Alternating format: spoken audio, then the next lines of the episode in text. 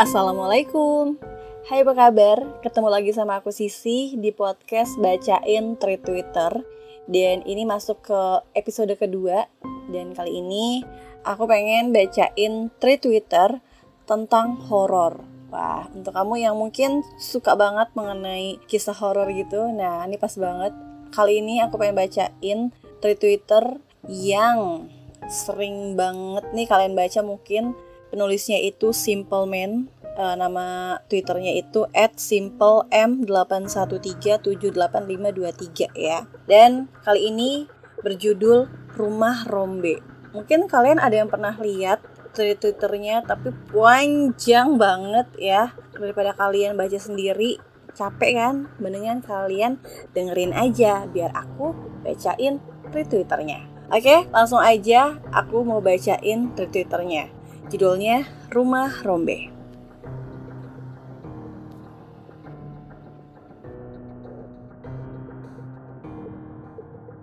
Rumah Rombe. Tidak ada yang tidak mengenal peristiwa ini, sebuah peristiwa yang dulu sempat membuat geger satu desa. Bahkan, begitu mengerikannya tragedi ini sehingga membuat banyak orang begidik ngeri tiap melihat saksi bisu peristiwa ini. Ya, benar, itu adalah rumah Rombe. Sebelum gue mau mulai ke bagian ceritanya, nggak ada salahnya ya bila gue kembali mengingatkan bahwa peristiwa semacam ini sebenarnya banyak nih terjadi di sekeliling kita. Hanya saja, apakah kita begitu peka untuk menyadarinya?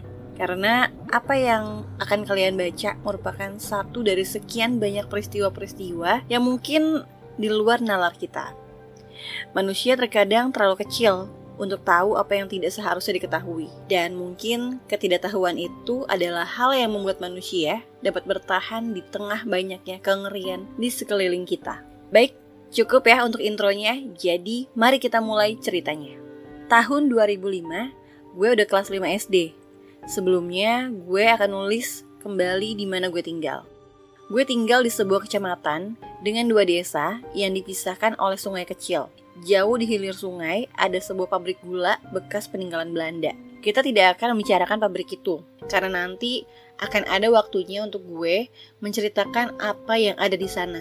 Sesuatu yang mungkin kadang nggak bisa diterima oleh akal sehat. Nah, kita masuk ke desa gue dulu ya. Karena apa yang akan gue ceritakan adalah salah satu bagian kelam yang pernah gue saksikan dengan mata kepala gue sendiri.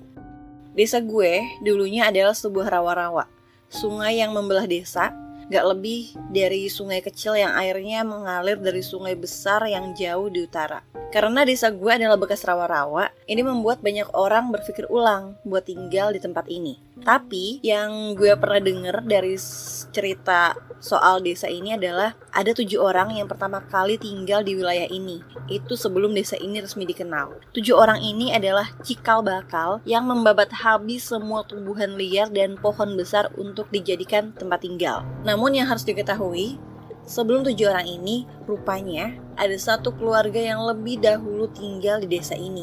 Dia dikenal dengan nama Mbah Putri. Wanita parubaya yang tinggal seorang diri di sebuah rumah tua peninggalan Belanda. Konon, ada cerita dari bapak. Rumah Mbah Putri ini adalah sebuah rumah yang menakutkan.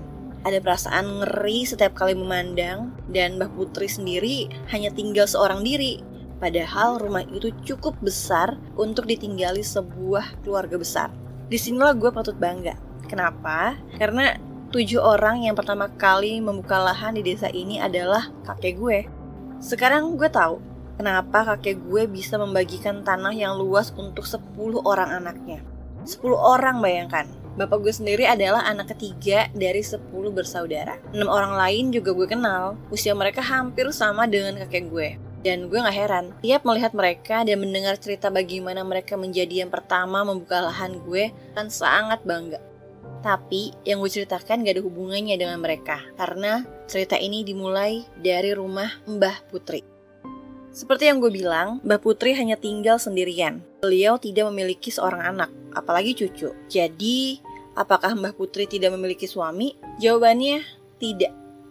Mbah Putri dahulu memiliki suami, namun mereka sudah meninggal. Hmm, apa barusan gue bilang mereka? Ya, mereka yang gue maksud adalah lebih dari satu. Mbak Putri pernah menikah lebih dari 14 kali. Awalnya gue nggak percaya mendengarnya. Maksud gue, ya mana ada sih orang yang bisa menikah sampai 14 kali, tapi kemudian gue percaya. Ketika cerita itu muncul dari nyokap gue sendiri. Lalu, bagaimana bisa? Jawabannya, Mbak Putri rupanya bukan wanita sembarangan. Banyak yang mengatakan beliau berdarah ningrat, sehingga ilmunya sangat tinggi. Lelaki yang menikahinya tak lebih dari lelaki yang tertarik dengan paras ayu beliau. Namun, konon, Mbah Putri memiliki perewangan atau pengikut yang tidak pernah suka Mbah Putri dinikahi oleh lelaki biasa. Sehingga banyak dari mereka yang akhirnya jatuh sakit kemudian meninggal. Cerita sekedar cerita. Mitos terkadang hanya sebuah cerita usang. Hmm, gue terkadang berpikir, apakah itu benar? Sayangnya gue gak pernah bertemu dengan Mbah Putri. Seingat gue, tapi nyokap selalu membantah tiap kali gue ngomong gak pernah kenal sama Mbah Putri. Nyokap akan bilang bahwa waktu gue kecil, gue sering digendong sama Mbah Putri dan beliau sangat menyukai gue. Setiap dengar nyokap ngomong gitu, gue selalu merinding.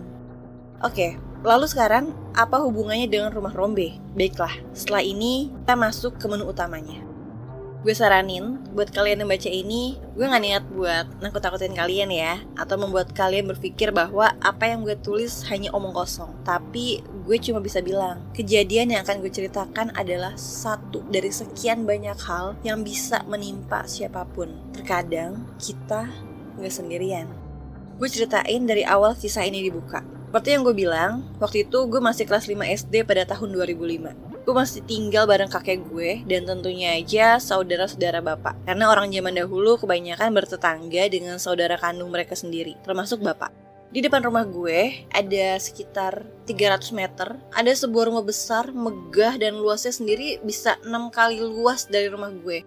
Namun semenjak memiliki meninggal, rumah itu menjadi kosong. Rumah itu adalah rumah Mbah Putri. Setiap kali pulang ngaji, mau gak mau, gue bakal lewat samping rumah itu. Dan entah kenapa, setiap kali melihat rumah itu, ada satu titik kecil, rasa penasaran yang membuat kadang kaki gue seolah diajak untuk masuk ke sana. Ya, seolah-olah rumah itu bisa menarik rasa penasaran seseorang. Bertahun-tahun rumah itu dibiarkan kosong begitu saja. Rumput liar udah mulai tumbuh di halamannya. Terkadang, bila ada waktu, bapak dan tetangga ikut memotong rumput biar terlihat lebih rapih. Di depan rumah itu ada sebuah pohon mangga. Pohonnya besar, jauh lebih besar dari pohon mangga biasa. Rumahnya sendiri menghadap ke utara, tidak ada pagar di sekelilingnya. Hanya dua pintu dengan corak Eropa, lantainya masih menggunakan bahan tekel. Gue pernah bertanya sama nyokap, kenapa rumah itu dibiarkan kosong? Nyokap bilang, gak ada yang mewarisi tanah dan rumah itu. Gue melihat sebuah mobil kijang lama berhenti di depan rumah itu. Rupanya, rumah itu sudah dibeli dimiliki oleh seseorang dan tidak akan lama lagi rumah yang sudah kosong bertahun-tahun itu akan segera ditempati. Gue punya firasat buruk soal ini. Keluarga Rombe, itu yang pertama gue dengar waktu nyokap ngobrol sama bapak. Keluarga Rombe bukan orang asli Jawa. Seingat gue, beliau berasal dari Kalimantan. Alasan kenapa beliau tinggal di sini adalah karena keluarga Rombe memiliki bisnis di bidang pembuatan lebego atau sak untuk padi keluarga Rombe dipimpin oleh Ibu Parubaya, mungkin usia sekitar um, kalau nggak salah 51 tahun lah ya, masih bugar dan beliau menggunakan bahasa Indonesia, belum bisa menggunakan bahasa Jawa. Beliau memiliki tiga orang anak. Yang paling tua adalah Mas Romi, usianya mungkin 21 tahun waktu itu. Anak keduanya adalah seorang perempuan namanya Mbak usia sekitar 18 tahun, dan yang bungsu namanya Tommy, 14 tahun. Penilaian gue tentang mereka adalah mereka keluarga baik-baik. Bahkan baru pertama kali kenal, mereka membagi-bagikan makanan ke tetangga. Selain itu, mereka juga tidak pernah lupa menyapa tetangga, bukan kriteria orang kaya yang sombong. Lalu, semua dimulai pada saat itu. Suatu malam, Ibu Rombe pernah bermimpi. Beliau didatangi oleh seorang yang tubuhnya besar dan tinggi. Kulitnya hitam pekat sehingga wajahnya tidak kelihatan. Tidak hanya satu, melainkan bergerombol. Mereka meminta Ibu Rombe mengikutinya. Gue inget, karena Bu Rombe pertama kali menceritakan ini ke nyokap gue. Gue cuma curi dengar, dan karena waktu itu gue cuma anak kelas 5 SD, mungkin mikir nyokap, ah gue gak bakal ngerti. Gue bisa lihat mata Ibu Rombe berair seperti menangis. Bibirnya gemeter. Nyokap hanya mengatakan agar beliau tenang dan sesekali mengelus bahunya. Kumpulan makhluk hitam itu membawa Ibu Rombe bertemu dengan satu makhluk yang besarnya berkali-kali lipat dari makhluk yang membawanya. Sebegitu besarnya sampai Ibu Rombe tidak bisa melihat wajahnya. Nyokap hanya mengatakan dalboh atau hantu tinggi besar. Saat bertemu, Ibu Rombe mendengarkan makhluk itu berbicara bahwa mereka tidak keberatan keluarga Ibu Rombe tinggal di sini. Namun, mereka mengingatkan untuk berhati-hati selama tinggal di rumah ini. Ibu Rombe tidak mengerti maksud ucapan itu. Gue cuma dengerin dan, dan masih bisa lihat wajah ngeri Ibu Rombe. Setelah itu, Ibu Rombe terbangun begitu saja. Sejak saat itu, banyak kejadian janggal terjadi dan ini semua hanya menimpa Ibu Rombe. Mula-mula, waktu itu Bu Rombe mendengar suara bising di dapur. Beliau pergi untuk melihat. Dan ketika sampai di dapur, beliau melihat gayung melayang begitu saja. Awalnya ini semua masih bisa ditahan oleh Ibu Rombe karena beliau adalah Kristen yang taat. Namun, semakin lama semakin menjadi-jadi. Kamar Ibu Rombe ada di dekat ruang tamu. Di lorong pertama, di samping jendelanya ada pohon jambu besar. Pernah waktu beliau sedang tidur, ada suara tawa cekikikan dari luar jendelanya. Karena penasaran, beliau mengintip lewat celah jendela. Dan betapa terkejutnya beliau waktu melihat ada wanita bergaun merah duduk di salah satu tiang pohon jambu air, menatapnya dengan mata hitam semua kejadian ini hanya diceritakan pada nyokap, karena rumah gue adalah rumah yang paling dekat dengan rumah Ibu Rombe. Selain itu, nyokap bila ada kesulitan keuangan, Ibu Rombe lah yang selalu membantu. Nyokap pernah ngasih saran untuk memanggil kiai atau orang pintar, tapi Ibu Rombe menolaknya. Beliau adalah umat Kristen yang taat dan memanggil kiai atau orang pintar tidak ada dalam imannya. Namun bukan berarti Ibu Rombe pasrah dengan keadaan ini. Pernah ia memanggil teman gerejanya, seorang wanita uzur, dan ketika wanita itu menetap semalam, wanita itu menjerit tahan hentinya dan mengatakan bahwa rumah ini dibangun di tanah terkutuk. Hal ini sempat membuat orang-orang berkumpul karena wanita itu terus berteriak, menjerit seperti kesetanan. Ibu Rombe semakin takut, sementara anak-anaknya gak tahu apa-apa. Semua gangguan-gangguan itu rupanya terus berlanjut dan menjadi semacam rutinitas bagi Bu Rombe, sampai beliau tahu di mana tempat dan siapa penunggunya. Hal ini belum menimbulkan konflik kekerasan fisik, sampai Ibu Rombe kembali bermimpi. Mimpi yang sama, bertemu dengan makhluk hitam yang membawanya ke sosok besar dan tinggi itu lagi. Kali ini suaranya marah, sangat marah sehingga Ibu Rombe sampai menangis sejadi-jadinya keesokan harinya. Konon, beliau marah karena ada tamu yang tidak diundang. Cerita ini masih panjang, karena cerita ini tidak berakhir di keluarga Ibu Rombe. Masih ada dua keluarga lagi yang akan tertimpa bencana ini. Hari berganti hari, dan gue bisa melihat sendiri perubahan yang terjadi dengan Ibu Rombe. Beliau menjadi lebih kurus, pucat, dan tampak letih. Gue bisa menebak bahwa mungkin tidur adalah hal yang paling dia hindari. Mengingat ketika beliau bercerita ke nyokap bahwa makhluk itu semakin intens mengganggunya menteror dengan nada marah. Bahkan Ibu Rombe sendiri tidak mengetahui sebabnya. Tamu tadi undang. Nyokap selalu memberi saran agar Ibu Rombe mencari pertolongan. Seseorang yang mungkin tahu hal-hal yang mengganggunya. Namun Bu Rombe selalu menolaknya. Beliau percaya dengan kekuatan Tuhan dan imannya. Siang itu, gue lagi makan di teras. Gue kaget waktu Mbak Rakel nyamperin gue. Mak di mana? Tanyanya wajahnya panik. Di dapur, kata gue. Nyokap yang dengar suara Barakel buru-buru keluar. Air matanya sekarang keluar. Nyokap segera berlari dengan Barakel menuju rumah. Gue ikut di belakang mereka. Begitu sampai di dalam rumah, Barakel nunjuk kamar Burombe. Dibukanya pintu itu, dan seketika bau anyir bangkai tercium menyengat. Begitu menyengatnya sampai gue gak mau masuk lebih jauh. Tapi gue bisa lihat dengan mata kepala gue sendiri, Ibu Rombe tengah terduduk di atas ranjangnya. Matanya merah, baru menangis. Kondisinya benar-benar gak karuan. Kemudian beliau muntah. Muntah cairan hitam yang gue yakin bukan darah. Warnanya hampir sama dengan darah mengering, tapi itu bukan darah. Karena bau anyir busuk itu berasal dari cairan itu. Tolong, ucapnya. Nyokap langsung lari mencari Pak RT. Pak RT datang dan beberapa warga. Tapi ketika mereka masuk, gue inget Ibu Rombe malah tertawa cekikikan kemudian berteriak lantang. Metu! Atau artinya keluar. Bingung. Itu yang gue yakinin sekarang yang ada di dalam pikiran Pak RT dan bapak-bapak. Karena setiap kali Pak RT mengingatkan untuk istighfar, Ibu Rombe justru tertawa dan berkata dalam bahasa Jawa yang artinya, apa itu istighfar-istighfar? Imanmu saja masih sekecil jari kelingkingku, gak usah pamer. Tegang wajah semua orang, termasuk gue yang ada di baris paling belakang. Sekedar mengintip, di luar rumah orang-orang berdatangan, semakin rame. Barakel kemudian mendekat. Kamu siapa? Mama mana bisa bahasa Jawa? Pak RT cuma menahan Barakel agar tidak mendekatinya. Sampai Mbah Gimon muncul. Beliau masuk ke kamar dan melihat langsung apa yang ada di depannya. Mbah Gimon, itu tetangga jauh gue. Kesehariannya hanya berkebun, tapi beliau pernah menghadapi hal-hal semacam ini, yaitu ketemplekan atau kesurupan. Yang bikin gue takjub, Mbah Gimon tidak membaca ayat suci untuk hal mistis macam ini. Karena setahu gue, cara itu hanya dilakukan untuk mengusir. Sebaliknya, Mbah Gimon hanya menekan jari kaki Ibu Rombe. Lalu Ibu Rombe menjerit sambil memaki-maki. Bapak-bapak inisiatif memegangi badan Ibu Rombe yang mulai mencakari wajahnya sendiri. Setelah beberapa saat, Ibu Rombe jatuh pingsan.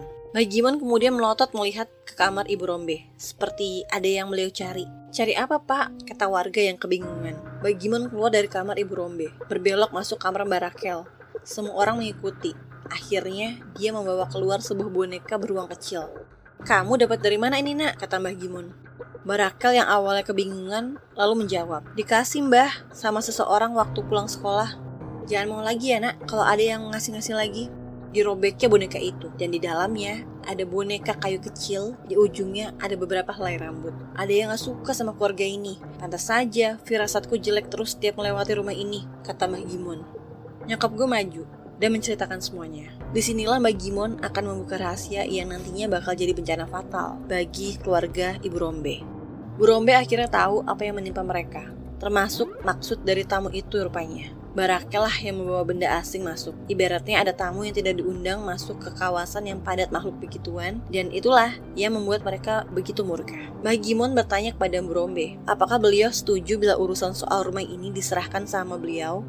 Karena sejujurnya Bagimon tidak tega melihat Ibu Rombe disiksa dengan cara seperti ini. Saya Kristen, Pak, jadi kurang percaya hal begituan. Mohon maaf ya, kata Bu Rombe. Gue selalu nempel nyokap mendengar Mbah Gimon mengatakan Jaga gandrang, itu yang neror kamu bila kamu ingin tahu. Nyoka menjelaskan pada Ibu Rombe, dan Ibu Rombe kemudian bertanya, Apa itu jaga gandrang, Mbah? Tanya Ibu Rombe. Pasukan jin, kata Mbah Gimon. Sudah lama ditanam oleh yang punya rumah ini dulu. Kamu tidak disukai sebenarnya di sini. Gak diterima. Tahu akibatnya? Apa akibatnya, Mbah? Kata Ibu Rombe. Sial, hancur, busuk, mati, kata Mbah Gimon. Nyokap gue sampai nggak bisa menjelaskan itu pada Bu Rombe. Beliau hanya bersimpati. Namun Ibu Rombe tampaknya tahu apa yang diucapkan oleh Mbak Gimon. Lalu saya harus apa mbah? Dibongkar saja semuanya. Bila kau percaya saya, aku mungkin bisa membongkarnya. Ibu Rombe kemudian mengiyakan tawaran Mbah Gimon. Tujuh hari kata Mbah Gimon. Beliau pun berpuasa terlebih dahulu. Gue inget, malam itu rame karena sampai ngadain bantengan, potong kepala sapi, sampai tumpungan warga. Semua itu ditanggung oleh Ibu Rombe. Keesokan malamnya, Mbah Gimon memulai ritualnya. Beliau hanya memutari rumah. Beberapa kali tampak menancapkan pasak. Pasaknya dari bambu kuning dan di ujungnya ada tali pocong. Ibu Rombe hanya duduk di teras, sementara warga berkerumun melihat, seperti pertunjukan. Gue kadang rada nyengir kalau lo inget ini. Maksud gue, hal yang kayak gini memang harusnya nggak perlu dibuat seheboh ini. Namun, omongan mulut ke mulut dan tentunya maksud tujuan asli Magimon seolah menguburkan niat baik beliau menjadi ajang pamer ilmu. Gue nggak diperbolehkan keluar rumah. Padahal banyak warga yang nonton langsung. Akhirnya gue cuma bisa curi lihat dari jendela kamar. Di sini malah petaka terjadi. Gue nggak tahu apa yang dilakukan Mbah Gimon karena sembilan orang langsung jatuh pingsan. Hal ini membuat warga panik, tapi Mbah Gimon hanya bilang mereka hanya kerasukan biasa, bukan hal serius. Kadang, malapetaka kecil adalah bertanda untuk malapetaka yang lebih besar. Acara yang semula ramai menjadi sepi, hening. Gue yang di dalam rumah bahkan bisa merasakan angin yang sudah berubah jauh lebih dingin. Imbasnya dimulai ketika Ibu Rombe tiba-tiba menangis. Ibu Rombe menangis di teras rumah. Mbah Gimon yang melihat gelagat itu mendekatinya. Ketika Mbah Gimon mendekat, Ibu Rombe tertawa, cekikikan, kemudian menangis lagi, tertawa lagi. Hal itu terus terjadi sepanjang malam. Di situlah Mbah Gimon tahu di mana batasan dia harus berhenti. Esoknya Mbah Gimon meminta maaf. Dia tidak bisa lagi membantu Ibu Rombe. Akibatnya setiap malam Ibu Rombe akan melakukan hal yang sama. Tertawa, menangis, tertawa lagi, kemudian menangis lagi. Namun, yang paling buruk dari itu adalah di punggung Ibu Rombe selalu ditemukan luka lebam biru. Padahal beliau baik-baik saja. Keluarga besar Ibu Rombe akhirnya menyarankan agar beliau meninggalkan rumah itu. Bahkan pihak keluarga sampai harus melakukan pembersihan. itu tidak merubah apa pun. Nasi sudah menjadi bubur.